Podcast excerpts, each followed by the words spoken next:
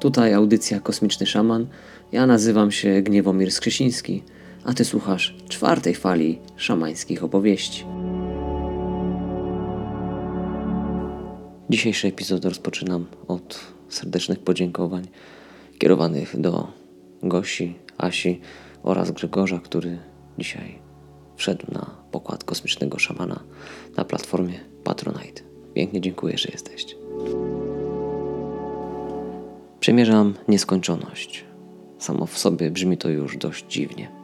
Co więcej, z tej nieskończoności wyłania się skończony obraz naszego wszechświata, ubrany w poetyckie drzewo życia. To drzewo jest niezwykle stare, potężne, rozłożyste. Widzę je w całej okazałości, od korzeni po koronę. Na pewnym poziomie trudno jednoznacznie powiedzieć, co właściwie jest koroną, a co korzeniem tego drzewa. Obie te części są niesamowicie rozległe. Również pień, mimo iż zdaje się być doskonale prosty i gładki, to z bliższej odległości odkrywa swoje bogactwo zamknięte w załamaniach kory czy miejscach po uschłych gałązkach. Patrzę tak na ten cud i do głowy przychodzi mi nazwa Yggdrasil. Jednak z szacunkiem odkładam ją na bok, bo nie czuję potrzeby ograniczania tego obrazu jakimkolwiek znanym, mitycznym wyobrażeniem chowającym się pod jakąkolwiek nazwą. Korzenie tego giganta, mimo iż dla mnie widoczne, otulone są gęstą mgłą. To tutaj, wedle szamańskich i nie tylko szamańskich tradycji, zlokalizowane są światy podziemia, które w tradycji kahuny zwane są milu, a w tradycji Vedanty po prostu niższymi systemami planetarnymi. To, że w tym umownym obrazie umieszczone są niżej, nie oznacza, że są one gorsze bądź lepsze od planet czy miejsc planów środkowych i wyższych.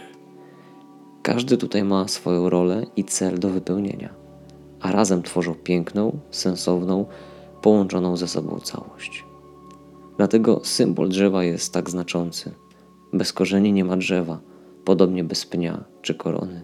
Każdy element jest istotny, ważny i niezastąpiony. Gdy tak szybuję w rejonie tego kosmicznego drzewa, dostrzegam też inne istoty szybujące w przestrzeni. Jednak one nie obserwują jedynie. One są pochłonięte pielęgnacją tego drzewa. Razem wyglądają jak pracownicy firmy zajmującej się utrzymaniem zieleni. Dbają o każdy element drzewa, nawadniają je, podwiązują zbyt ciężkie gałęzie, uschłe zaś odcinają, a miejsca po nich smarują specjalną maścią. Pochłonięci są swą pracą bez reszty. Gołym okiem widać, że jest to ich misja, ich powołanie. Jednak wzrost i utrzymanie tego drzewa to niezwykle skomplikowany i dynamiczny proces. Odnoszę wrażenie, że ilość miejsc wymagających interwencji ogrodników rośnie wykładniczo. Oni nie nadążają już, bo jest ich zbyt mało.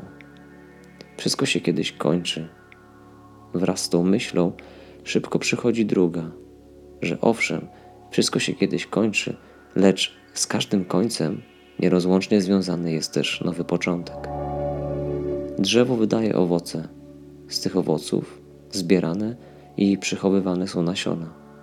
Z nich zrodzą się sadzonki nowych drzew. I wszystko zacznie się od nowa.